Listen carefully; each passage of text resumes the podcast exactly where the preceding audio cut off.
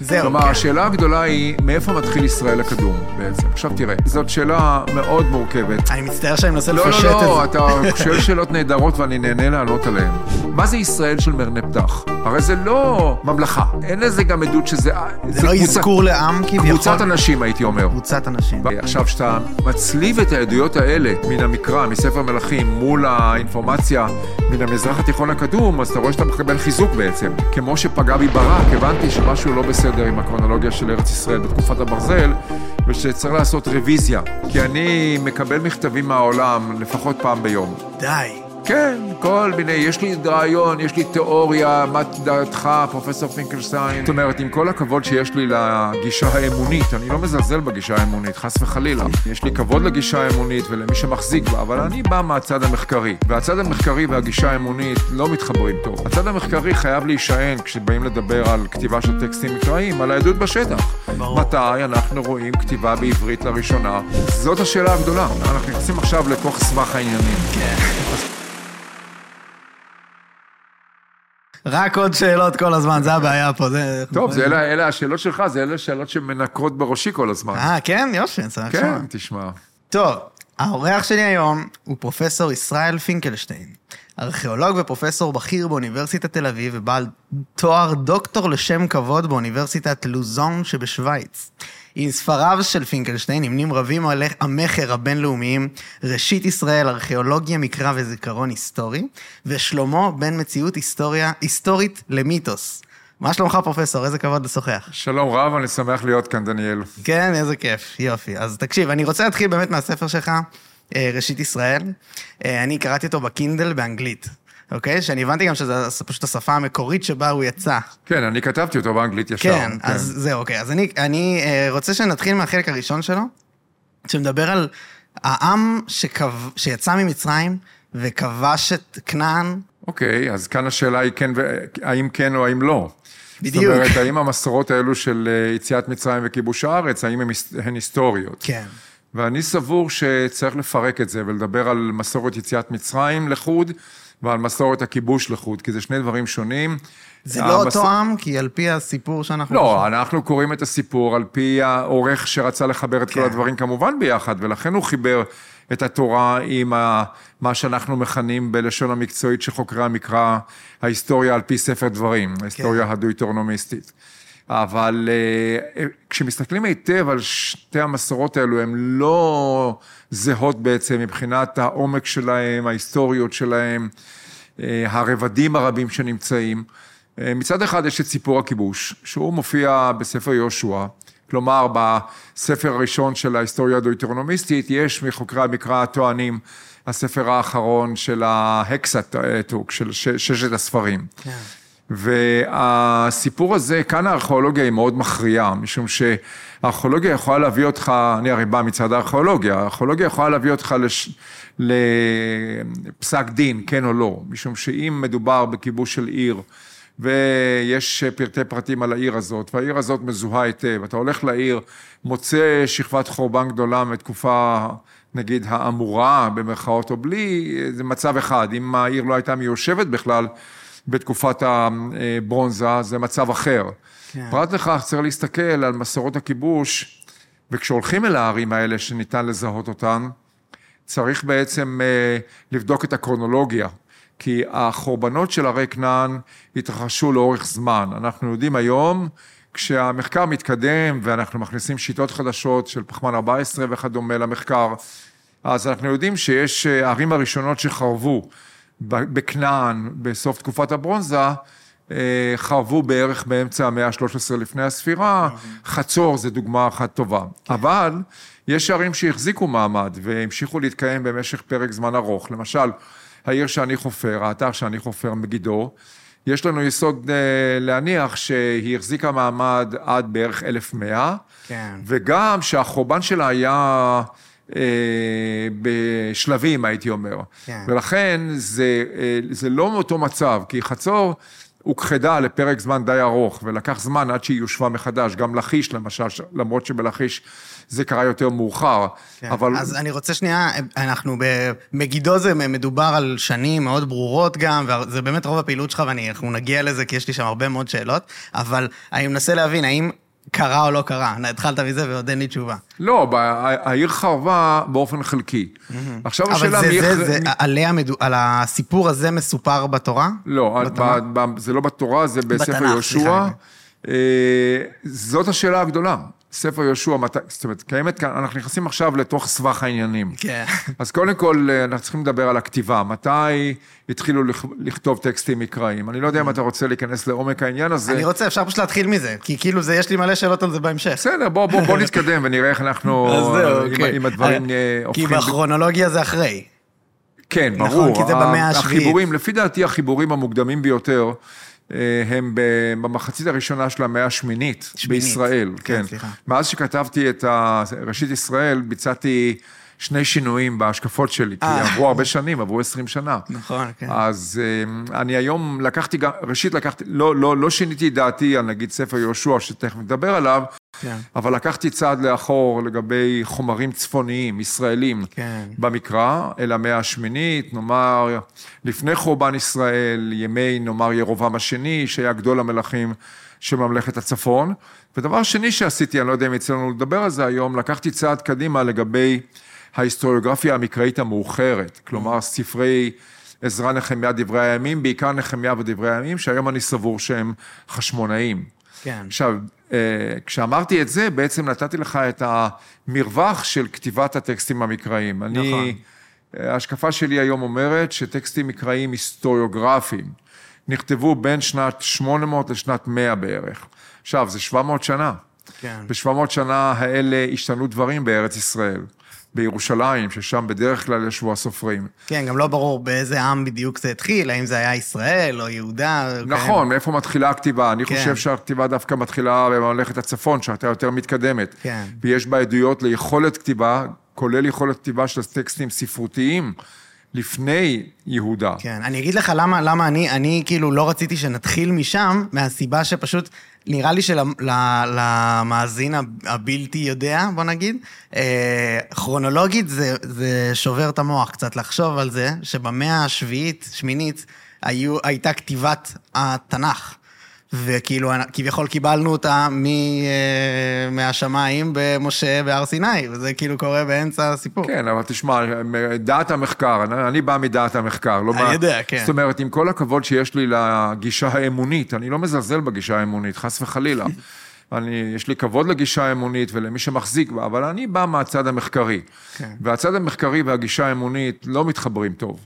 הצד המחקרי חייב להישען, כשבאים לדבר על כתיבה של טקסטים מקראיים, על העדות בשטח. ברור. מתי אנחנו רואים כתיבה בעברית לראשונה, מתי רואים כתיבה לעברית, בעברית לראשונה של טקסטים ספרותיים, ולפי דעתי אין עדות לכך לפני שנת 800. לפני הספירה, כמובן שבארכיאולוגיה, בהיסטוריה, תמיד צריך אה, לומר את המשפט ה... משפט הביטוח, הייתי אומר. אם תהיינה עדויות חדשות, נשנה את דעתנו. ברור. כמו שדיין פעם אמר, רק חמור לא משנה את דעתו. נכון. אז גם אני... זה באמת הגישה המדעית הכי כן, טובה. אבל אנחנו, אני, שאני בא מהצד המדעי, אני מסתכל על העדויות בשטח, איפה נתגלו כתובות, אה, אני מנסה לתארך אותם על פי הקונטקסטים הארכיאולוגיים, על פי תאריכי פחמן 14 של השכבות המסוימות האלה. אז זהו, אז, אז, אז פשוט אה, אני אומר שלמי שכן... אה, אה, אני מנסה להעביר פה את, את המאזין סיפור. אוקיי? ואני רוצה שכאילו, אם אנחנו קודם כל נתמודד עם זה שרוב המאזינים שלנו, אנחנו רוצים לקלף את שכבת ה- החוסר אמונה שלהם במה שאנחנו אומרים ובפתיחות שלהם למחשבותינו, אז קודם כל צריך to address this, שזה העניין המתי קיבלנו את התנ"ך, והאם הוא באמת אה, ככה קרה וכל זה, אבל לא- אני לא מכניס אותך לפינה מיסטית בכלל. לא, לא, לא, לא, חס וחלילה, אני, אני שמח לענות לשאלה הזאת. תראה, הטקסטים ההיסטוריוגרפיים במקרא, שאני אוהב אותם אהבה עזה, וזה כן, מ- ניכר. מ- מרכז העניין שלי, כן. המחקרי נאמר, יחד עם הארכיאולוגיה כמובן, הטקסטים האלה, הרי צריך להיות ברור, שהם מעשי ידי אדם, ואם הם מעשי ידי אדם, הם משקפים אה, מצבים, הייתי אומר מצבים גיאופוליטיים נתונים, את ההשקפות של המחברים, את המטרות של המחברים. נכון. אני, כשאני ניגש לטקסט מקראי, אני תמיד, השאלה הראשונה שאני שואל את עצמי, מה מנסה המחבר לומר לי כאן? מה המסר שהוא מנסה להעביר לי?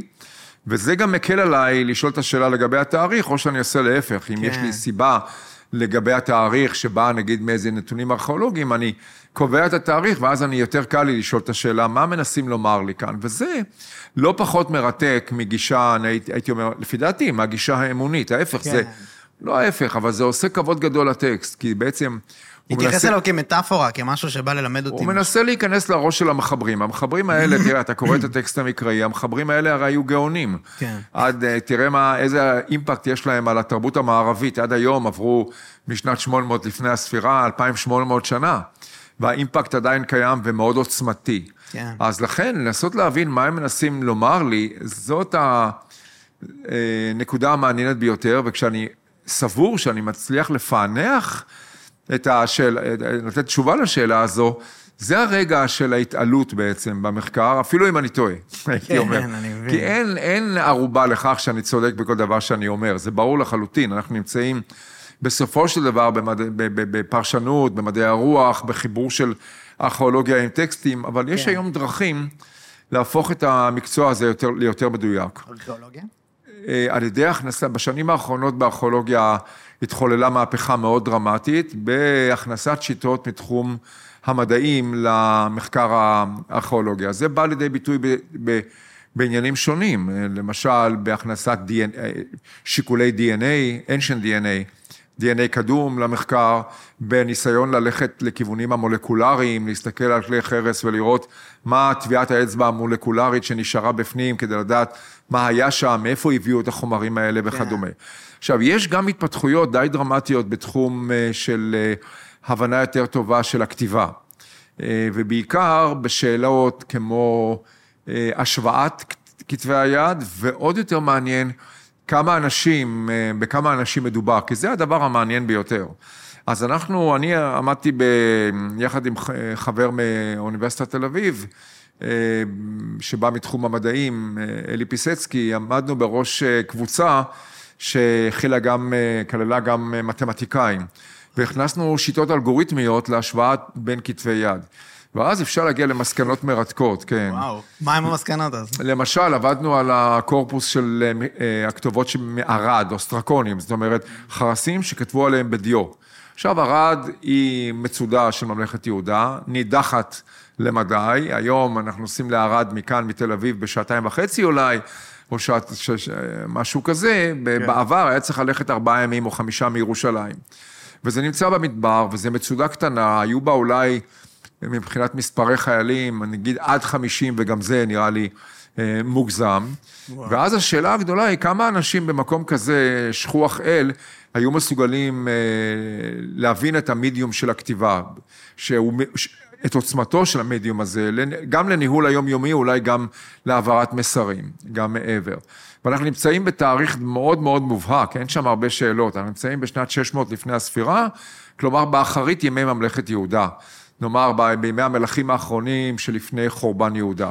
וואו. והנה הסתבר לנו שאנחנו, כשבדקנו בסך הכל אה, בין 16 ל-18, תלוי איך סופרים כתובות, הגענו למסקנה שיש שם מינימום של חמישה מחברים, ואם מסתכלים גם על שיטות פחות אלגוריתמיות של נגיד עבדנו עם חוקרת שהייתה בעבר במשטרת ישראל במחקר כתבי יד, ואז היא הייתה מסוגלת לזהות יותר ידיים בכתיבה. עכשיו, אם במקום כזה נידח יש חמישה או יותר מחברים, זה אומר הרבה על השיטה, נגיד, על המערך הצבאי של ממלכת יהודה, על הבירוקרטיה של הממלכה. זאת אומרת, לא רק בירושלים, באזור של המלך, האנטוראז' סביבו, או הכהנים במקדש, כותבים, אלא גם שלשלת הפיקוד, שרשרת הפיקוד של ממלכת יהודה, עד אה, הרבדים הנמוכים יחסית, אה, כותבים. למשל, בערד, אנחנו ראינו גם לפי הטקסט עצמו, אתה קורא את הטקסט, אתה מבין פחות או יותר מה הולך שם, כן? כן, אתה מבין, זה בשפה... בעברית אפשר- עתיקה, זה כן, בעברית אתה- עתיקה? כן, העברית היא עברית והאותיות אתה לומד אותן, אז אתה יכול, תראה, לא תמיד זה, זה קל. אנחנו עשינו גם תרגילים לפני כן של אה, צילום מולטי ספקטרלי, Hmm. כדי לראות יותר טוב את הכתובות. בכל אופן, בערד, ידע הכתיבה יורד עד אה, סגן אה, המחסנאי, כלומר, האפסנאי המשנה.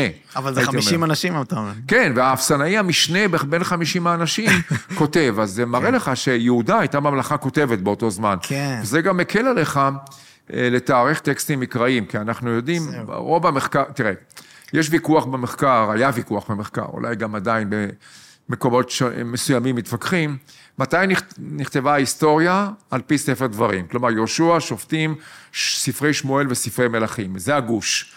וכשהגוש הזה הוגדר לראשונה, אה, ועוד יותר מכך, הייתי אומר, או נגיד אחרת, בעיקר בשנות ה-40 היה חוקר בגרמניה אה, מאוד ידוע, מרטין נוט, שנות ה-30, ה-40, הוא לא, הוא לא היה שייך לקבוצות בגרמניה שגרמו את השואה, נאמר כך. אבל הוא היה חוקר מקרא ברמה מאוד גבוהה, והוא הציע שההיסטוריה הדויטרונומיסטית נכתבה אחרי החורבן כדי להסביר מה קרה. כיצד זה קרה שאלוהי ישראל הבטיח הבטחות לעם ישראל, ולאחר מכן ההבטחות האלה לא עמדו במבחן המציאות, וקודם ישראל ולאחר מכן יהודה חרבו. צריך להסביר את זה, אחרת זאת מכה תיאולוגית איומה בעצם. כן. והוא אמר שהגאוניות של המחברים זה שהם איכשהו באיזשהו ספין מאוד מעניין יצאו מהמצוקה הזאת על ידי הסברים ששמו את הדגש על נגיד החטאים של חלק ממלכי ישראל וחלק ממלכי, כן. או כמעט כל מלכי ישראל וחלק ממלכי יהודה. אבל אחר כך, רגע, לא, זה אני, אני, יש לי פה... כן, כן, אבל צריך להגיד משהו, תן לי רגע בבקשה. דניאל, לסיים, כי זה. מאוד חשוב. יש לי מלא שאלות. בסדר, בסדר, תרשום לך אותן. כן, אני- כן, לא, קדימה. אני כאן, לא כן. בורח. מקסימום אני אקח לגימת מים.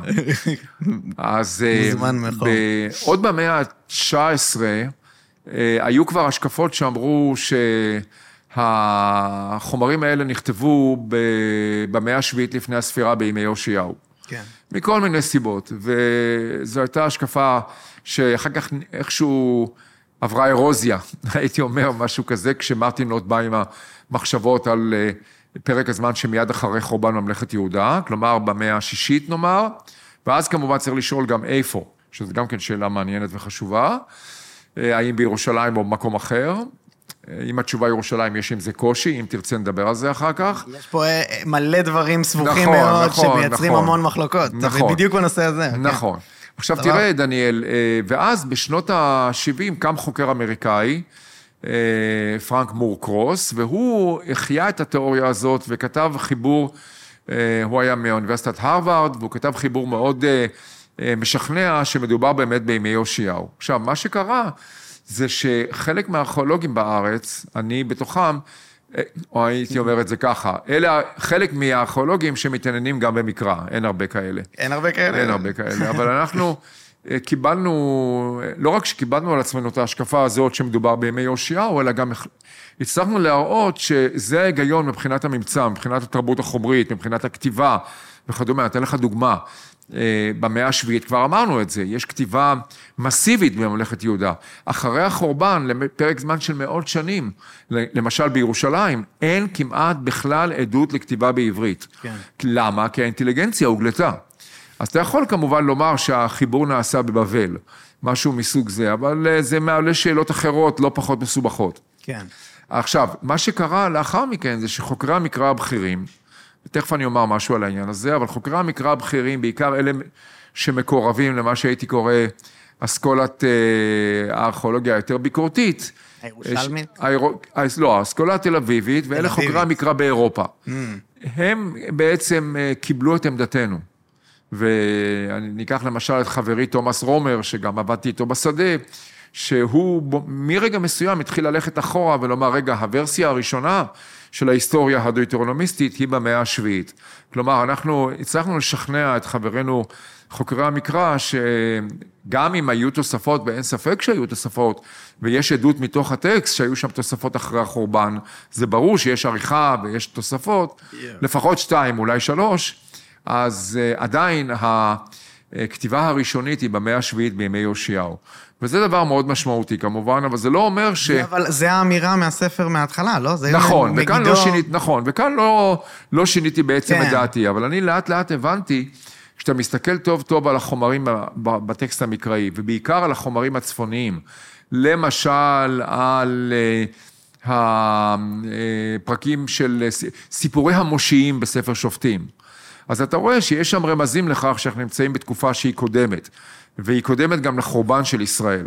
וזה מוביל אותך מיד לפרק זמן של לפני שבע- 732. מטורף זה לעשות את ה... גם להשתמש במקרא עצמו וגם כן, בממצאים כן. עצמם, נכון, של נכון. לייצר- זה, זה, זה התענוג הגדול. זה התענוג, אני בטוח, כן. ואז, ואז אתה שואל את עצמך את השאלה הבאה. תראה, כל שאלה כאן מובילה לשאלות אחרות, רבות, מרתקות, מעניינות, מסקרנות. למשל, אוקיי, נגיד שישראל צודק, ואני לא היחיד בעניין הזה, אבל אני דחפתי את זה בשנים האחרונות בכל הכוח, שהייתה כתיבה של טקסטים, של מסורות צפוניות בעיקר, כמו למשל ספר המושיעים בספר שופטים, כמו, אני אתן לך עוד, אולי עוד דוגמה או שתיים, הס- רובד הקדום של סיפורי שאול, כן. אה, או כמו רבדים מסוימים אולי גם ושלמה. בסיפור יציאת מצרים. אה, גם ביציאת מצרים. כן, גם, וגם אולי בסיפור הכיבוש, שזה רובד קדום.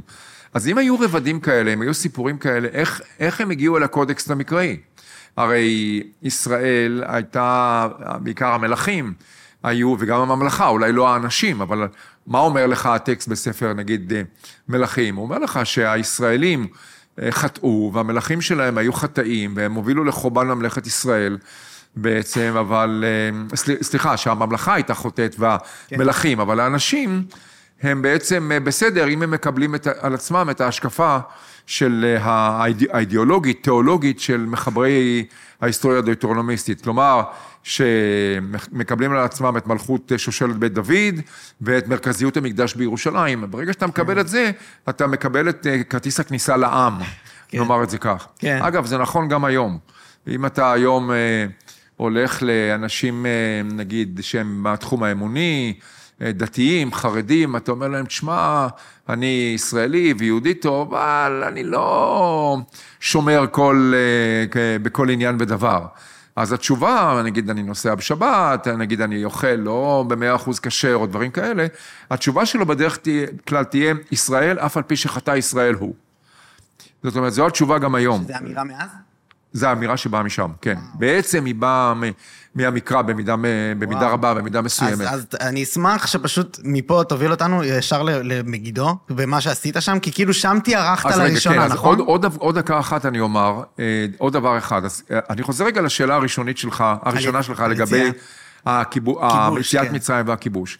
אז סיפור הכיבוש, לפי דעתי, הוא סיפור, אה, כמו שהוא מונח היום מולנו, הוא סיפור ש, אה, שבא מההיסטוריה הדויטרונומיסטית, הוא מהמאה השביעית לפני הספירה, מימי יאשיהו, אבל המתבונן היטב בסיפור הזה, וגם הארכיאולוגיה תומכת בכך. עכשיו, המתבונן היטב בסיפור, רואה שם דברים מוזרים. למשל, מנהיג הכיבוש, המפקד שמוביל את צבא הכיבוש, כן, לארץ כנען, יהושע, הוא צפוני.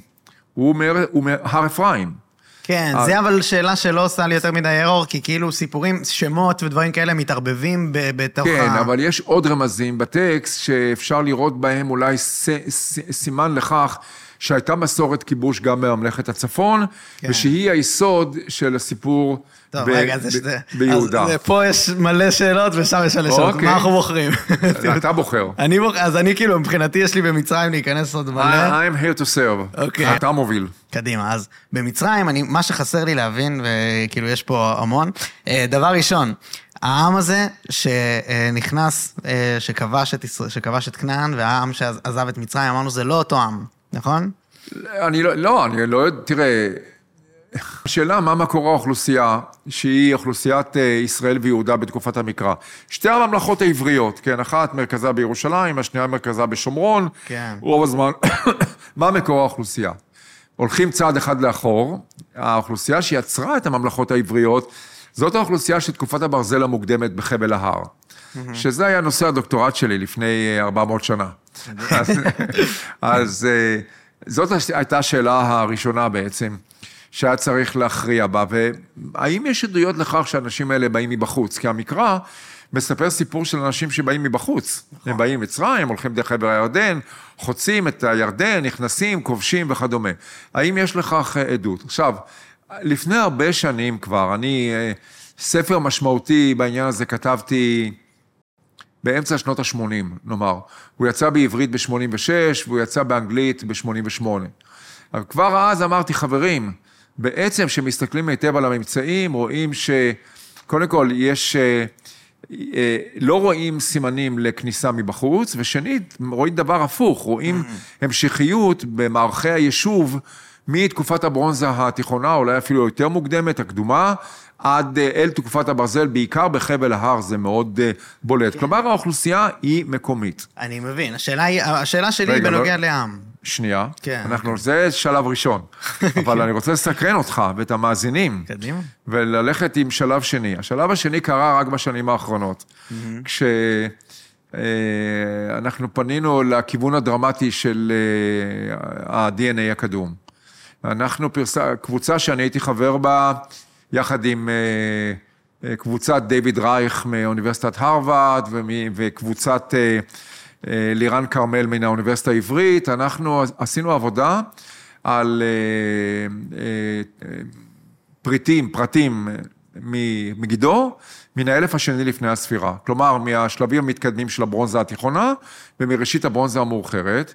ומה ראינו? ראינו בצורה קונסיסטנטית, וזו לא הייתה בדיקה אחת, היו בדיקות די רבות, פרסמנו את זה גם בעיתון המוביל בעולם בתחום הגנטיקה, סל.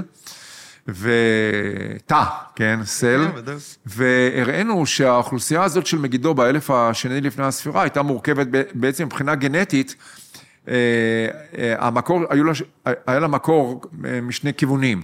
הכיוון האחד קראנו לו נאוליטיק לבנט, כלומר האוכלוסייה מימים של ארץ ישראל, והכיוון השני היה כניסה של אנשים שהגיעו מהחלקים הצפון-מזרחיים של המזרח התיכון הקדום. Mm-hmm. כלומר, במילים של ימינו, מזרח טורקיה, אה, צפון... אה, אה, מגיאורגיה, ארמניה, צפון מערב איראן וכדומה.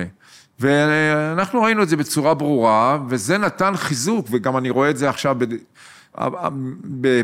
בדגימות של DNA שעוד לא פרסמנו, אנחנו מפרסמים אותם עכשיו לראשונה עוד איזה חודש, מאתר אה, קרוב לירושלים, ששם התמונה היא די דומה. כלומר, זה, זאת הראייה שמה שאמרנו קודם, רק על סמך התרבות החומרית, היא נכונה. כלומר, האוכלוסייה היא אוכלוסייה המקומית של ארץ ישראל. עכשיו, זה לא אומר שלא הייתה קבוצה שהגיעה ממצרים, כי אנחנו לא עושים בדיקת אה, DNA לכל אוכלוסייה ארץ ישראל בתקופת הברונזה, נכון? או בראשית תקופת הברזל.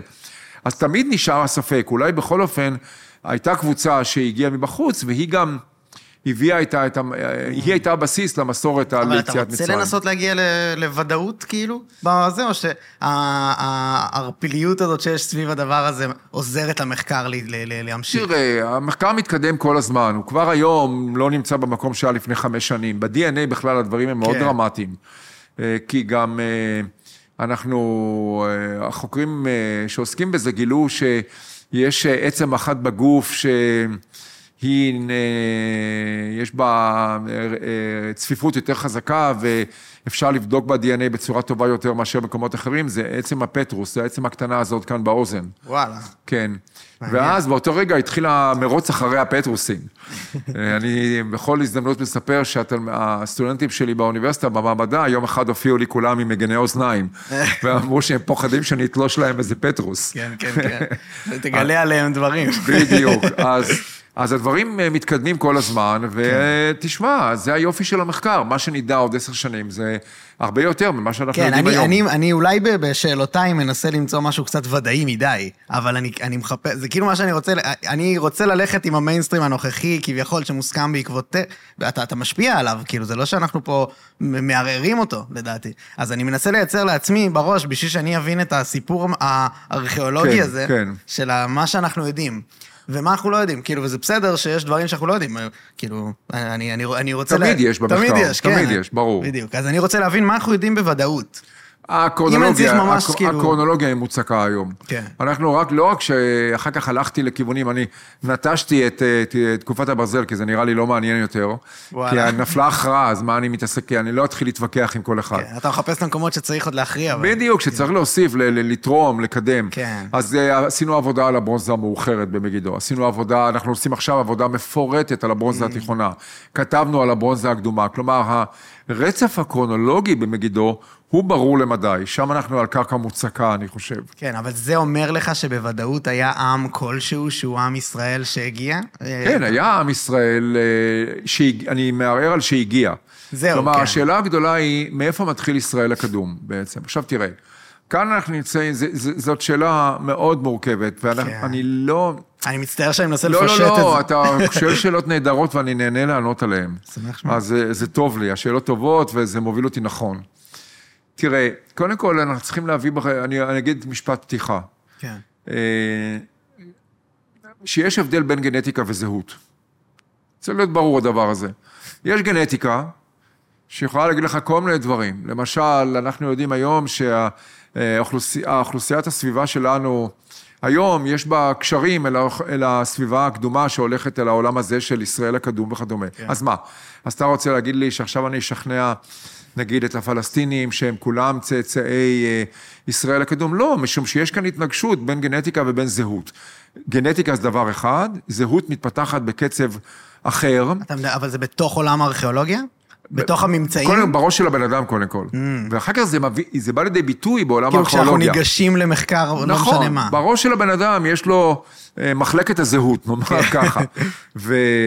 ובעצמות שלו, כן, ב-DNA שלו, יש מחלקת הגנטיקה. והם לא, אין- זה לא אחד לאחד הדברים האלה. הבנתי, כן. אז זה דבר ראשון. עכשיו תראה, ישראל, זאת שאלה מאוד מעניינת. קודם כל, מאיפה זה בא המושג הזה? אני דווקא בשנתיים, שלוש האחרונות התעסקתי עם זה קצת, אה, בדברים שלא כולם פורסמו עדיין, הם נמצאים בתהליך פרסום. תראה, אה, השם ישראל מופיע לראשונה באסטלת מרנפתח, שהיא תעודה מצרית, כלומר אסטלה שנמצאת במוזיאון בקהיר, והיא מסוף המאה ה-13 לפני הספירה, ושם נאמר המשפט המפורסם על ידי המלך הזה, פרעה מרנפתח, הוא שם ישראל, אין לו זרע. כן. זאת אומרת, הרגתי, הרסתי את ישראל, גמרנו איתם, אלה נודניקים, כן. גמרתי אותם. וואו. והוא מספר על כיבוש כמה ערים בארץ ישראל גם, ואנחנו יכולים לזהות אותם בשמן- אז שוב, רגע, פעם ראשונה שהמילה ישראל מוזכרת בממצאים שהיום אנחנו חוץ מכירים. מקראיים, כן, חוץ מקראיים. בטקסטים, חוץ, הטקסטים החוץ מקראיים, בני זמן אמיתי, כן. הם תמיד חשובים, הם בזמן אמיתי. וואו, כן, כלומר, יותר. אסטלת מרנפתח לא נכתבה לפני 400 שנה אחריו, היא נכתבה בימיו. כן. אה, אז שם יש ודאות, איפה אנחנו נמצאים. והטקסט כרונולוג- המקראי עבר המון המון המון לא, שינויים. הרבה גלגולים, נכון. כן. הוא הרבה יותר מורכב, הרבה כן. יותר מעניין, הרבה יותר מרתק, הרבה כן. יותר... אה. אה, הוא יוצא דופן, אבל אה, הוא מורכב, יש בו רבדים רבים. כן. אין, אין, אין, אין פרק במקרא, שכמעט, אני חושב שאין בו רבדים שונים, קרונולוגית גם. לגמרי, כן. עכשיו, אחרי האזכרה הזאת של ישראל, יש כאלה שטוענים שיש איזו אזכרה אחת יותר מוקדמת, בואו נתעלם מזה רגע. אחרי האזכרה אצל מרנפתח, עוברות אה, 350 שנה עד האזכרה הבאה של, ישראל, של השם ישראל, כי הפעם הבאה זה בכתובת שמתארת את קרב קרקר של האשורים בשנת 853, נגד קואליציה... לפני הספירה או לפני לא? הספירה. לפני הספירה. אבל זה 350 שנה יותר מאוחר. כן. עולם אחר כבר, אין מצרים הגדולה, מצרים ירדה מגדולתה, האימפריה הדומיננטית היא היא האימפריה... אשור? אשורית, בוודאי. ועל אה, חור... כבר רק זיכרון, מצרים. נכון, ועל על חורבות אה, וואו. מערך המאה- ערי המדינה של כנען, כן. של תקופת הברונזה, קמו הממלכות הטריטוריאליות, כולל כן. ישראל ויהודה. ואז יש קואליציה של ממלכות כאלה שמתייצבות בקרקר. אשר ב- בצפון, הרחוק מאיתנו, לקרב מכריע נגד אה, שלמנסר השלישי, כדי לנסות לבלום את ההתקדמות של האשורים מערבה. כן. ואז שלמנסר מתאר את הקואליציה שהתייצבה נגדו, ואז הוא קורא- מה זה מראה לך? הפער הזה והשתי הנקודות האלה, נכון, מה הם נכון. מראות? לא, רגע, שנייה, אז הוא אומר, ואז הוא אומר דבר מעניין, הוא קורא, הוא מדבר על אחאב, שהוא בעצם המלך הדומיננטי, ב... סליחה, בקואליציה, כי הוא בא למערכה לפי שלמנסר עם אלפיים מרכבות, אפשר להתווכח על זה, או אם זה לא קצת פרופגנדה, אבל ניחא. הוא, יש לו את מספר הגדול ביותר של המרכבות במערכה. כן. לאחאב. ואז הוא כותב, אחאב הישראלי, אלפיים מרכבות, וכך וכך חיילים. וזה מופיע לראשונה, ואז כבר זה ברור מה זה הישראלי, שזה הממלכה. למרות שהאשורים אה, אחר כך קוראים לממלכת ישראל בית עומרי, בית עומרי. שהוא כאילו המייסד אה, של הבירה, של השושלת הדומיננטית וכדומה. לגמרי. אבל הדברים מורכבים כמובן. עכשיו השאלה איך, מה זה ישראל של מרנה פתח? הרי זה לא ממלכה. אין זה לנו... עם. זה, אין לזה גם עדות שזה... זה לא אזכור לעם כביכול. קבוצת אנשים, הייתי אומר. קבוצת אנשים. ואז השאלה, איפה הם יושבים, קבוצת האנשים הזו? בזמן של מנ... בזמן שמרנה פתח פוגש אותם וכותב עליהם. אז איך, איך מהגים את השם הזה שוב? מ- מרנה פתח. עכשיו, מרנה פתח פוגש, לפי דעתי, הקבוצה הזאת שנקראת אה, ישראל, היא קשורה בטריטוריה שבה היה פולחן אל. כן, אתה יודע, אה, אחד האלים של המזרח התיכון הקדום, של אל, המרחב כן. שלנו, פולחן אל, והקבוצה הזאת ישבה במרחב של חבל ההר, שנגיד אה, אזור שכם ומדרום לשכם. אולי אפילו אפשר יהיה לומר ששילה הייתה אה, מקדש אה, חשוב של קבוצת אה, ישראל הקדום הזה, אבל הם עדיין איך, לא... איך אתה יודע את הדברים האלה? כאילו, כל מה שאנחנו יודעים מהפר, מאותו פרעה זה רק את השם. זה רק שם, כן, שם ומשפט. הם, כן, אבל אחר כך אתה יכול לעשות תרגיל ולהסתכל על הטופונימים. אתה יודע מה זה טופונים? טופונים לא. זה שם מקום. איפה נמצאים שמות המקומות שיש בהם מרכיב אל? אז אתה מגיע למסקנה שזה בית אה, אל. פנואל, יזרעאל וכולי, וזה שם אותך גיאוגרפית על המפה. אתה יכול לשחזר את הטריטוריה. Mm. אבל הוא מדבר עליהם שם בתור האלה שהוא גירש, כביכול. הוא לא אומר איפה הם. זה מסקנה, הוא זה אפילו מנס, לא אומר- ניסיון שלנו היום, שלי היום, להתמודד עם השאלה, אה. איפה, כי היה ויכוח במחקר, איפה הישראל הזו, הקבוצה הזאת של מרנפתח? כי הם מופיעים בהירוגליפים עם אה, דטרמינטיב, מגדיר של אנשים. כלומר, ישראל בכתובת הזאת זה לא נחל, זה לא הר, אה. זה, זה קבוצה אנשים. של אנשים. אז איפה האנשים האלה? והיה על זה ויכוח, היו, היו כבר בשנות ה-80 כאלה שאמרו, ואולי אפילו לפני כן, שזה בחבל ההר המרכזי. אני חושב שאפשר להראות את זה בוודאות די גדולה. ואז, אם זה בסביבה שממנה לאחר מכן צמחה ממלכת ישראל, אז זה מסביר את הקשר בין כן. ישראל, קבוצת אנשים של זהות, במאה ה-13 לבין ישראל כשם ממלכה, יותר מאוחר. זאת אומרת, זה עושה את החיבור שכל כך נחוץ. כן, אבל זה לא מספר לנו את ה... האם יש קבוצה שהייתה בתחת פרעה, כי היה לה... אני לא יודע, עזוב את המכות ועזוב את כל החלק המיסטי, אבל... אז אה, ברחו, היו עבדים, ברחו, כבשו בסופו של דבר את ישראל. כל הסיפור הזה הוא כרונולוגי, כאילו מוצג כהיסטוריה. כרגע, כרגע, כרגע הוא משכנע מאוד, וזה כן. הודות לגאוניות של המחברים. אה, אוקיי. והאורחים, שהם סידרו את כל העניין הזה. תראה, במקור למשל, אה, סיפור יציאת מצרים הוא סיפור נפרד מסיפור הכיבוש, והוא אפילו סיפור נפרד מסיפור האבות. היום אה, חוקרי המקרא הראו את זה. שגם על, על סיפורי האבות אתה רשם, כתבת בספר, יש שם גם ממצאים על זה. כן, שזה- וגם אפשר לו, כן. גם להתקדם משם הלאה. כן. ב-20 השנה האחרונות עשיתי עוד צעדים קדימה גם לגבי מסורות האבות, אבל המסורות, מסורת יציאת מצרים היא עומדת, היא עומדת בפני עצמה והיא נתפרה לאחר מכן אל אה, הרצף הזה ההגיוני, כי כל כך הגיוני, אבל לא היסטורי כל כך, וואלה. של אבות, ירידה ממצרים, יציאת מצרים, כיבוש הארץ, הקמת הממלכות. אין דבר יותר הגיוני מזה, אבל זה לא היסטורי. כי הניסיונות של חוקרים לסדר את זה קרונולוגית, לומר, תראה, האבות הוא בברונזה, הם בברונזה התיכונה, ירדו מצרימה, יצאו ממצרים בימי נגיד רעמסס השני, כן. התנחלו בארץ ישראל וכדומה, זה לגבי השלבים המוקדמים לא עומד במבחן המציאות של הארכיאולוגיה. וואו. זאת אומרת, רגע, אה, אז זה אפשר- למשל, רק שנייה, אני אומר עוד משפט תגיד, אחד, תגיד, בוודאי. כדי לסבך את העניינים בצורה כן. איומה, סיפורי האבות, שאתה מסתכל על הריאליה מאחוריהם, למשל סיפור יעקב, שהוא במקור היה נפרד מסיפור אברהם ואולי גם קדום לו. Mm. אז אה, קדום לו. יכול להיות. אם היית שואל, תופס איזה ישראלי היום, לא, להבדיל מיהודאי, ואומר לו, בוא, בוא, בוא, בוא תראה רגע משהו, מראה לו, פותח לו את המקרא. הוא אומר תראה, יש כאן סיפור האבות, אברהם, יצחק, יעקב. הוא היה מסתכל עליך, אומר, מי עשה את זה? מה זה הדבר הזה? הרי האב שלנו הקדמון, יעקב? הוא קודם לכולם, הוא יעקב, וואו. ברור.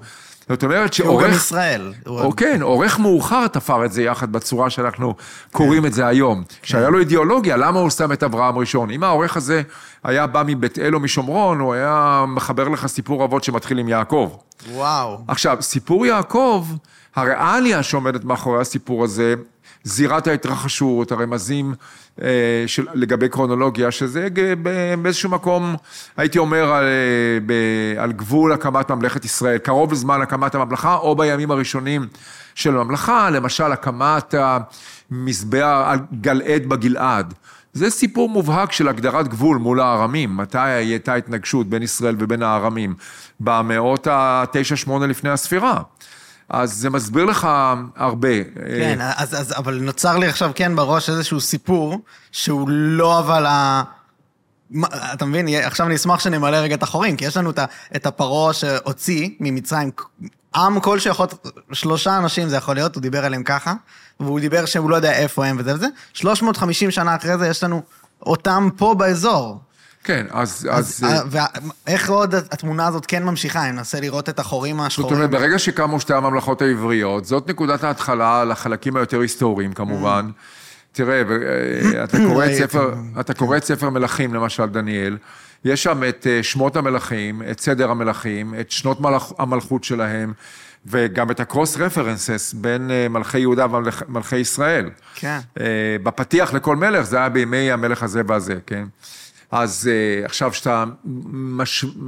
מצליב את העדויות האלה מן המקרא, מספר מלכים, מול האינפורמציה מן המזרח התיכון הקדום, אז אתה רואה שאתה מקבל חיזוק בעצם. כן. זאת אומרת, יש לך כמה נקודות בדרך שמחזקות את הקרונולוגיה המקראית, שהיא בסדר. אז מתעוררות שאלות אחרות, אתה מבין? בחקר המקרא והארכיאולוגיה אין דבר שנגמר בלי שאלה. כן. אז מתעורר השאלה, אוקיי, איך הם ידעו? כי אמרנו שספר מלכים נכתב במאה השביעית. אז איך הם יודעים על מלכים שחיו בשנת 900? זאת אומרת, כן. 250 שנה ונגיד לפניהם. יש תשובות לזה, אבל אתה רואה שכל שאלה, כל תשובה פותחת שאלות חדשות. כן, זה הברכה גם של פשוט התחום ומדע בכללי גם אולי. נכון, נכון, כן. זה, זה, זה אה. מחקר באופן כללי בכל התחומים, כן. ואנחנו... אנחנו- מבורך, זה הגרסה המבורכת כן, של עכשיו מחקר. אנחנו גם, תראה, אנחנו גם, אה, לפחות בארכיאולוגיה, אנחנו מדע אמפירי. זאת אומרת, אנחנו אמנם עוסקים בשאלות היסטוריות, אבל בסופו של דבר אנחנו עובדים בשטח, אנחנו עובדים, כן. צריכים לדעת איפה אנחנו נמצאים קרונולוגית, אז אנחנו, ו- וכל שנה, אה, הייתי אומר, כל שנה בספטמבר, השחזור ההיסטורי הוא קצת שונה ממה שהיה ביוני. כן, כי נוספו עדויות במשך חפירות הקיץ. מטורף. זה היופי של ה... אנחנו עכשיו בעיצומו של... כן, זה היופי של התחום שלנו, שצריך כל הזמן להתעדכן בעצם. כן, מדהים. כמה שאלות, כאילו, עלו לי אלף, אבל סבבה. דבר ראשון, אה, יעקב, כהאב הראשון. כאילו, השם, שאתה גם נושא את השם הזה בעצמך, ישראל. אני, אה, לא רק זה, אני ישראל יעקב, אני קורא על שם סבי. כן, וואלה. אז כן, ישראל, לפי הבנתי, זה זה שנלחם. שהיה מראשוני היישוב, הוא, סבי המנוח נולד בחברון, וגדל אה, בסביבה הזאת, יפו, והיה גם אה, הרוקח הראשון בפתח תקווה. הם המושבות. זאת אומרת, אה, יש לנו היסטוריה של המשפחה, וואו. שעם שורשים מאוד עמוקים כאן. וואו. אז בשם ישראל, לפי הבנתי, לפחות של ישראל יעקב, זה זה שנלח... אה, struggles with God. זאת אחת הפרשנויות, יש גם אפשרויות אחרות. אה, בגלל זה הוא- זה הגיוני לי למה הוא הראשון. כאילו, הוא, מש... הוא הסימבול של העם שלנו, אתה מבין? והשם כן, שלו הוא- יוצא בתוך הוא- זה. הוא- אנחנו העם שנלחם ביחד עם אלוהים. הייתי אומר שהוא קשור לפולחן אל. כן, וגם המקומות, אה. תראה, מה הם שני המקומות המרכזיים של סיפור יעקב?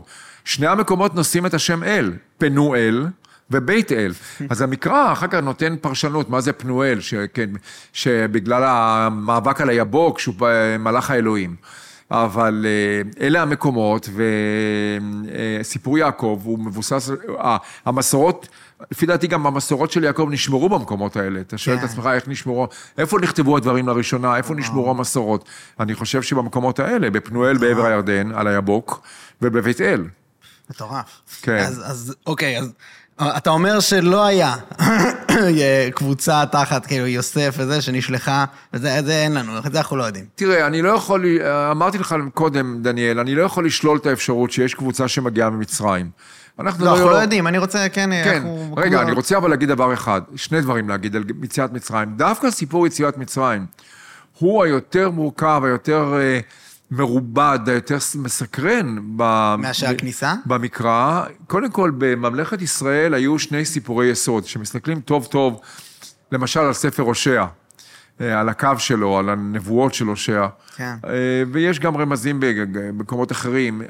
הייתה מסורת אחת, שהיא מסורת מכוננת, שמתבססת על סיפור האב הקדמון יעקב, והייתה מסורת אחרת, שהיא סיפור מכונן, שמתבסס על סיפור יציאת מצרים.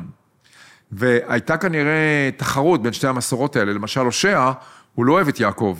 הוא במפלגה של? של סיפור יציאת מצרים. כי יש, מה, מה כאילו, מה ההתנגדות? ש- מה, וזה- על מה הם זה- נלחמים, כאילו, הדעות? אז זה דבר ראשון, דוד. אה, לא, מה, מה הסיפור המכונן?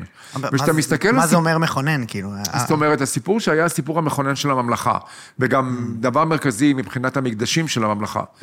עכשיו, תראה, אנחנו יודעים שממלכת ישראל הייתה... אה, קודם כל יודעים שסיפור יציאת מצרים הוא סיפור צפוני, במקור. הוא היגר ליהודה לאחר מכן. שאלנו כבר בתחילת שיחתנו איך הגיעו כל המסורות האלה ליהודה, אז ההשקפה שלי, שגם עליה יש ויכוח, שאחרי אה, חורבן ממלכת ישראל ונפילת שומרון גם, 722, 720 לפני הספירה, הקבוצות של האליטה, סליחה, שהיו בסכנה של הגליה, הם אלו שנמלטו לממלכת יהודה, לירושלים.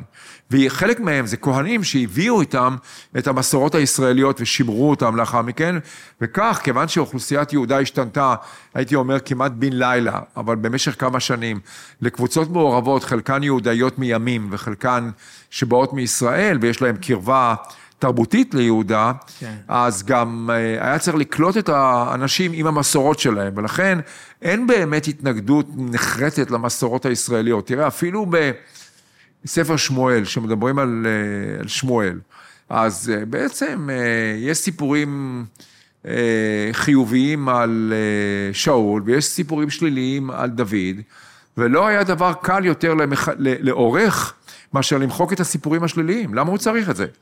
הוא לא עשה את זה, הוא השאיר את הסיפורים האלה. ורק עשה את זה... רציונל אה, הוא נתן תיאולוגי. לזה ספין, הוא נתן כן. לזה ספין, ואמר, ונתן, הנה, אתם חושבים שדוד היה ח- חטא, וכל אחד שהוא עבר לידו דרופ דד, אז אני אספר לכם מה באמת קרה, וזה לא בדיוק מה שאתם חושבים. זה בעצם החלקים האלה של סיפור דוד הקדום ב- בספר שמואל. מכל מקום, סיפור יציאת מצרים הוא סיפור צפוני.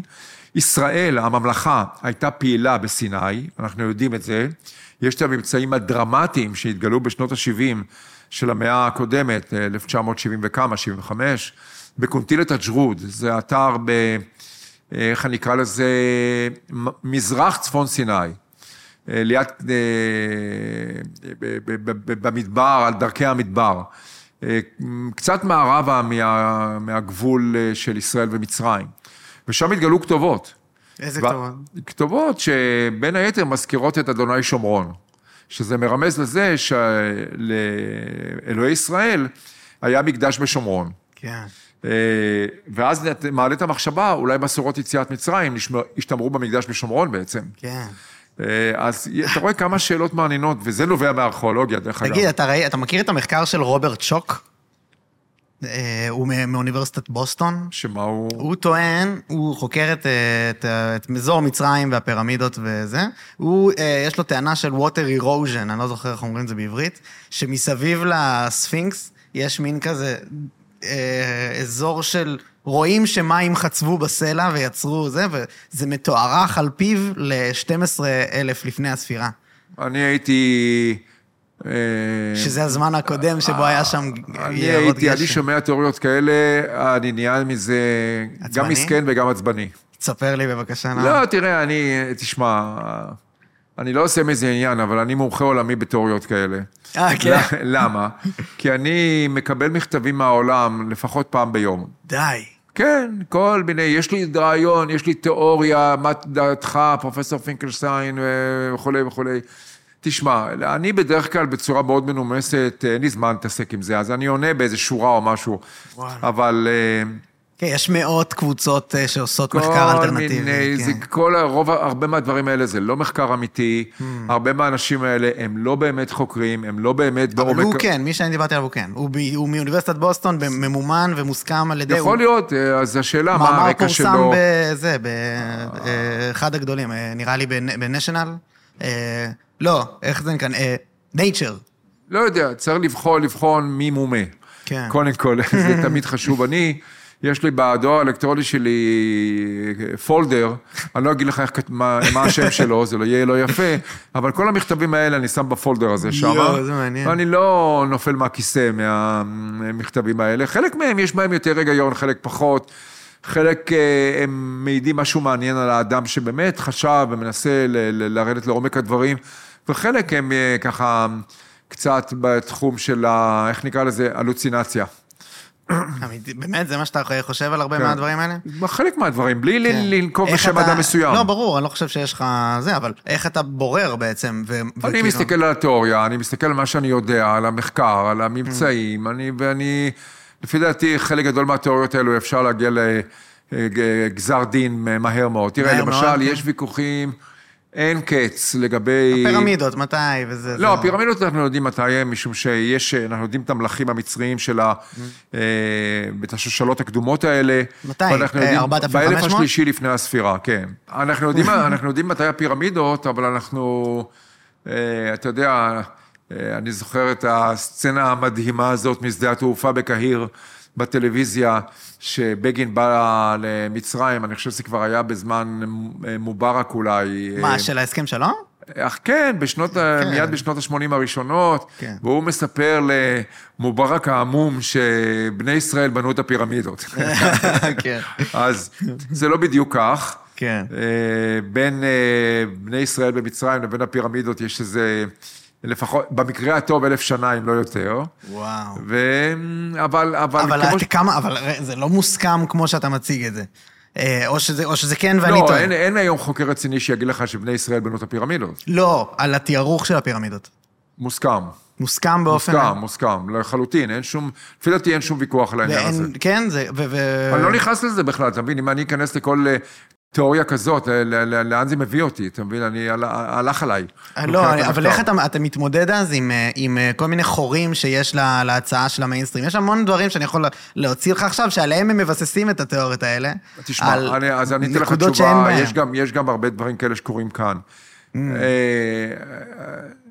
אלומת המחקר הלגיטימי היא רחבה, אבל יש לה שוליים לא לגיטימיים, והשוליים האלה הם הבעיה. תראה, אני אתן לך דוגמה. אה, אני אעשה את זה בזהירות הראויה. אה, בשנים האחרונות, שנתיים, שלוש, פתאום אה, התחילו כביכול לצאת כל מיני כתובות קדומות מהמאה ה-13 לפני הספירה, מהמאה העשירית לפני הספירה וכדומה. עכשיו, החוקרים שכתבו את זה צריכים להציג את הנתונים, נכון? אז הם מציגים לך כל מיני שרטוטים שהם עשו מהכתובות, וכשאתה מסתכל על החפץ, אתה לא רואה את זה. זאת אומרת, הבן אדם רואה משהו שאני לא רואה. כן. אז מה אני עושה? לאן אני לוקח את זה? את זה מבין? אני מבין, אבל מה קורה כשמישהו מביא לך נקודות, כמו לצורך העניין, ה- האסתטיקה המדויקת של הפירמידות ברמה אה, של אסטרונומית וכאלה, זה כאילו... לא- אין שום ספק לפי דעתי לגבי התיארוך של הפירמידות. אפשר להזיז את הקרונולוגיה של מלכי מצרים הקדומים כמה שנים לכאן או לכאן, זה ברור לגמרי. אבל אתה לא תיקח פירמידה, את הפירמידה של אה, חופו למשל, ואתה תעביר אותה, ל, אני יודע, אל- אלפיים שנה אחורה או משהו, או אלף שנה קדימה. האמת נמצאת במחקר המדוקדק, הלפעמים מייסר, הפרטני, כן. שאין ברירה אלא להגיע אליו, אין פשוט כן, ברירה. אתה מסכים איתי שהאמת היא חשובה. האמת היא חשובה תמיד. אז, אז, אז משם השאלות מגיעות בהקשר. נכון, אבל האמת בעיניי, בעיניי יש דברים שאפשר לערער עליהם, כן. ויש דברים שאי אפשר לערער עליהם, זה שלא לגיטימי. לא, אז, אז אני, אז אני רק, אני לא, אני לוקח את התשובות שלך כתשובות. ואז, לא, אז אמרת, אני איתך ב- כן, בתיארוך. לא, אני, אני גם מרגיש את עצמי מספיק בטוח לומר את הדברים האלה, משום כן. שאני מייצג את דעת המחקר ב-99.9% ממנו, אתה מבין? מעולה. עכשיו, אנחנו חוזרים לעניין הזה, יכול להיות שאדם אחד, אמרנו, אתה זוכר שאחד אמר עליי פינקלשטיין סטיין זה לא, כן. אז אתה יכול להגיד גם על ההוא שהוא עומד לבד. אה, לא, יש או שככה, או שבדיוק ככה, זה עניין של יש הפרדיגמה יש- שמשתנה. יש כאן יש סיכ- התנגדות בהתחלה. יש כאן סיכון, אבל תזכור שהפינקלשטיין סטנזלון הזיז את הקרונולוגיה על סמך ממצאים ברורים, ואחר כך קרבון 14. אז אני אשמח שכן נלך, ל- כאילו שוב, זה קצת, אנחנו עוזבים נושאים שדיברנו עליהם, אבל זה בתוך המחקר ובתוך הדברים שלך.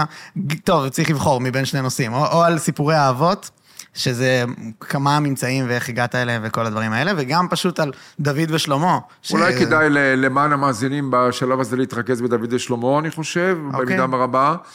אז אה, כן, אז דוד ושלמה, מה, מה, מה קרה, כאילו, כל תראה, הממצאים והמחקר שאתה כן, עשית. אז, אז מדובר בדברים באמת אה, מרתקים מאין כמוהם, והמחקר הלך בכיוונים לא, לא, לא תמיד נכונים. תראה, למשל, אה, הייתה תיאוריה של אה, אה, זיהוי השרידים במגידו, אני חוזר למגידו רגע, אה, מימי שלמה, זאת אומרת, השער, נגיד, של אה, מגידו, שהוא שער מימי שלמה. עכשיו, זה היה מבוסס על פסוק שמופיע במלכים א', פרק ט', פסוק ט"ו, שמספר ששלמה בנה את חצור ואת מגידו ואת גזר. אז אה, באו חוקרים, חוקרים רציניים וטובים, זה לא שאני חס וחלילה מזלזל בהם, ואמרו, תראו, הנה, יש כאן עדות לכך שבעצם אה, בממלכת הזוהר של שלמה, בירושלים, היה איזה משרד ארכיטקטים כזה, משרד הארכיטקטים ייצר תוכניות, בלופרינט כזה של שערים, ואת הבלופרינט הזה שלחו לערי השדה, ושם בנו את השערים ששלמה רצה שיבנו, כן. נאמר כך. וזה הרקע של הפסוק הזה. מה, זה עכשיו- אומר שלא הוא בפועל בעצמו ודברים כאלה? מה זה לא, אומר? לא, זאת אומרת שזה באמת מימי שלמה, לפי אז ההשקפה זה הזאת. מוכיח ש- את זה שזה באמת. שזה כמ- כן, שלחו בלופרינט מירושלים. כן. ירושלים הייתה העיר המפוארת, וואו, העיר- איזה ממצא מעניין. העיר הגדולה, ושם היה משרד ארכיטקטים ששלח את הבלופרינט. כן. עכשיו, זו תיאוריה נחמדה, אבל יש לה אה, כמה קשיים אה, רציניים ביותר בדרך, בדרך. קודם כל, האם באמת השערים האלה הם מהמאה העשירית? כבר אמרתי לך שהיום יש עדות לכך שהם מאוחרים יותר, מהמאה, נגיד, התשיעית, אה, אה, פחות או יותר. עכשיו, השאלה השנייה, מתי נכתב הפסוק ולמה? זאת השאלה שהחוקרים לא שאלו. הגישה שלי תמיד, אמרתי לך בתחילת השיחה שלנו, דניאל, כל פסוק מקראי שאני מסתכל עליו, כל סיפור מקראי, אני שואל את עצמי, מתי זה נכתב ומה מנסה המחבר לומר לי? כן. והמקרה הזה זה מקרה קלאסי. איך אנחנו יודעים שהפסוק הזה באמת מייצג את ימי שלמה? כי אז נשאל, נשאלות עוד כל מיני שאלות, למשל, ממתי יש כתיבה? אם הפסוק הזה הוא בתוך ההיסטוריה הדויטרונומיסטית, אז הוא נכתב בימי יאשיהו, זה 300 שנה ויותר אחרי ימי שלמה, אז איך הם יודעים על ימי שלמה? זאת אומרת, יש כאן שאלות קשות ביותר. כן, עכשיו, זה פשוט מתחיל בלמה אבל לגשת, שדיברנו על זה גם כן, וגם על זה הפשן שלך אולי בהרבה מובנים, אבל למה לגשת למקרא כממצא היסטורי בכלל, מלכתחילה? לא, המקרא יש בו אה, אה, חומרים היסטוריים מרתקים מאין כמוהם, ואי אפשר בלעדיו. כן, אבל, הוא, כל אבל הוא התחיל במקרא, כ- כבעל פה ולקח כל, זמן עד כל סיפור במקרא צריך לבחון אותו, כן, וכמובן אתה צודק, יש, זה, כל סיפור צריך לבחון אותו בפני עצמו. סיפורים קדומים, זה לא אומר שהם לגמרי מומצאים, כן. שאין בהם איזה שהם גרעינים היסטוריים. סיפורים מאוחרים, זה לא אומר שאין בהם אידיאולוגיה שמכוונת אותם. זה הרבה יותר מורכב מזה, וצריך ל- ל- להתבונן היטב. עכשיו, כן. כשאתה מסתכל, עכשיו אני חוזר לפסוק הזה על אה, שלמה וחצור ומגידו וגזר. כשאתה מסתכל על מסורות שלמה במקרא, מה זה סיפורי שלמה? זה ספר מעשי אה, שלמה, זה אפילו נזכר שם באחד הפסוקים. אז יש כמה דברים שם בסיפורים האלה, ששלמה הגדול, הבנאי, הסוחר, כן, וכדומה, שאפשר לבחון אותם במשקפיים אה, ארכיאולוגיות. למשל, שלושת הערים האלה, חצור ומגידו וגזר, מתי היה פרק זמן שהם היו שייכים למ- לממלכה, נגיד, אם לא הייתה ממלכה קדומה, אה, ממלכת, ממלכת זוהר בימי דוד ושלמה, מתי כן? אז התשובה שלי תהיה, נגיד שבממלכת ישראל במחצית הראשונה של המאה השמינית לפני הספירה, בימי ירובעם השני, שלושת המקומות האלו, שלושת הערים האלו היו ערים אדמיניסטרטיביות חשובות, מרכזיות, בממלכת ישראל. הנה תשובה. אז יכול להיות שמה שעשה המחבר, הוא עשה טלסקופיזציה. כלומר, הוא לקח נתונים שהיו נכונים לימיו או קרוב לימיו, והשליך אותם אחורה לימי שלמה, מתוך מחשבה שזה נכון לעשות את זה. או לחילופין, יש בסיפורי שלמה מסורות מאוד חזקות על ערי רכב ופרשים. על סוסים, ערי רכב, אורוות ודברים מהסוג הזה בכמה מקומות. ואז נשאלת השאלה, מה זה הדבר הזה? מאיפה זה נלקח? ובכן, הריאליה היחידה המתאימה לסיפורי האורוות של ימי שלמה, זה האורוות של מגידו. והאורוות של מגידו, זמנן המחצית הראשונה של המאה השמינית. כלומר, 150 שנה, נאמר, מאוחר יותר לימי שלמה. אז שוב, נשאלת השאלה, אם אין כאן איזה מעשה טלסקופיזציה של המחבר. מה, ש... מה אכפת לנו אם הוא, אם הוא לי נעשה? זה לא, הכל בסדר, רק כן. שזה מאוד מרתק לדעת, כי זה בסוף זה גם ירמז עוד יותר טוב לכיוון לכתיבה, לתקופת הכתיבה, ולמה כתבו את זה. כן. למה, למה, למה לתאר את שלמה, גם- תראה, השאלה היא אולי בכלל אחרת. אני תכף אחזור לעניין הזה. לא, אבל, תמשיך. אבל, אבל השאלה היא, אה, קודם כל, בתוך סיפור שלמה יש מתח לא נורמלי. כי יש לך את הסיפור על, אה, יש שם ש- שלושה שלמה שונים. יש לך בספר מלכים א', בראשיתו, מלך, שלמה עולה לשלטון, אבל הוא פסיבי בעצם. אה, אה, מי ששם בוחש בעניינים זה בת שבע וכדומה, דוד מת, שלמה עולה לשלטון, יש איזה טבח בירושלים, אדוניהו נרצח ושלמה עולה לשלטון. אחר כך יש סיפור שלמה הגדול, שלמה המלך הגדול והמפואר, הבנאי, הסוחר וכדומה. ולפת... וזה פרקים נגיד ג'. עד, 10, ואז אתה פותח את אה, פרק 11 ואתה מקבל שוק. כי שם כתוב ששלמה הזה היה חוטא גדול. הוא הלך אחרי אה, עבודת האלילים, הנשים הרבות שלו הובילו אותו אל עבודת האלילים, אחרי, אתה יודע, כל השיקוצים של הממלכות השכנות, ובגלל מעשיו החטאים של שלמה, אלוהי ישראל החליט לרסק את הממלכה ולגרום לפילוג הממלכה. אתה גם קורא לו בספר גלובליסט, נכון? כן, אז העניין של הגלובליזציה, תכף נדבר עליה. אז, אז השאלה, מה, מה הולך כאן בדיוק? כי זה מוביל, זה יוביל אותך... אבל ל- זה לא משהו שלדעתי מעלה יותר מדי תהיות בהקשר ש... זה כל הדמויות בתנ"ך מאוד מורכבות ויש להן נכון, אה, המון הש- רבדים. זה, נכון, זה, אבל השאלה אם. הרבדים האלה, מה הם משקפים. נכון, אתה כמובן. אומר שזה יכול להעיד לנו שזה לא אותה דמות, והרבה אנשים הרכיבו המטרות. ש... על המטרות של המחברים. זה ברור לגמרי שתיאור שלמה כחוטא, זה בא בלשון דויטרונומיסטית מובהקת של ימי אה, כן, יאשיהו. אבל השאלה- כל אחד מה, מהדמויות המשמעותיות בתנ"ך, יש להם חלקים כאלה. אבל כמעט השאלה, כולם. השאלה הגדולה זה שלמה הגדול. כי Mm. שם יש עוד סיפורים שמתאימים למציאות האמיתית, לריאליה, או של ממלכת ישראל בימי ירובעם השני, או של ממלכת יהודה, נאמר, בימי מנשה, אה. במחצית הראשונה של המאה השביעית. עכשיו, הסתירה הזאת עוזרת לתיארוך. ברור, כן. וכיוון ששלמה מוצג, ש- סליחה, שמנשה אה, מוצג כמלך החוטא האולטימטיבי, הרי מה אומר לך הסיפור המקראי בספר מלכים?